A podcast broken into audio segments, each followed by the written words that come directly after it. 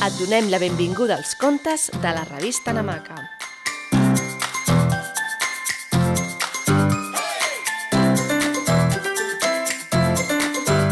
Avui t'explicarem el conte En lleó, l'Anna Pastanaga i les ganes de plorar. Un moc enganxat sota la taula. Les brosses que cauen a l'aigua quan veus. O la pudor d'una patata podrida. Això sí que són coses que fan fàstic. El que no entenc és per què alguns diuen que els fa fàstic la taca que tinc a la cara.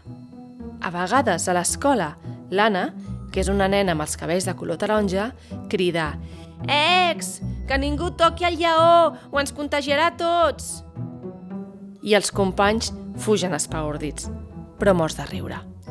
A mi, en canvi, m'agafen ganes de plorar.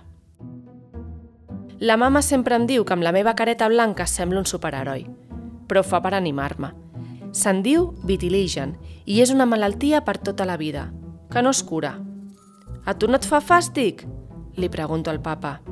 I ell em comença a fer petons a les galtes, com si em volgués menjar per sopar. Avui, de camí a l'escola, m'he trobat l'Anna. No li he dit bon dia perquè estic enfadat. Ella m'ha mirat de reull. Tot era com sempre, si no fos perquè, mentre fèiem la fila, alguns companys de classe han començat a cridar Anna Pastanaga, Anna Pastanaga, Anna Pastanaga.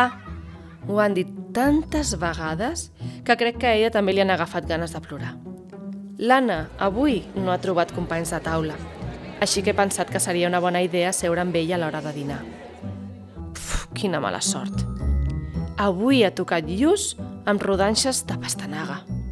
I sembla que l'Anna aquest guarniment no li ha fet gens de gràcia. I tothom hi ha tornat. Anna Pastanaga, Anna Pastanaga. Te les menges tu, si us plau? M'ha demanat amb una mitja rialla. I jo no he pogut evitar... Què creus que ha fet en Lleó? S'ha menjat la pastanaga o l'ha enviat a pastar fang? És aquest el principi d'una curiosa amistat? Un conte escrit per Cecília Gil i publicat a la Namaca número 28. Descobreix més històries namaquianes a www.revistanamaca.com.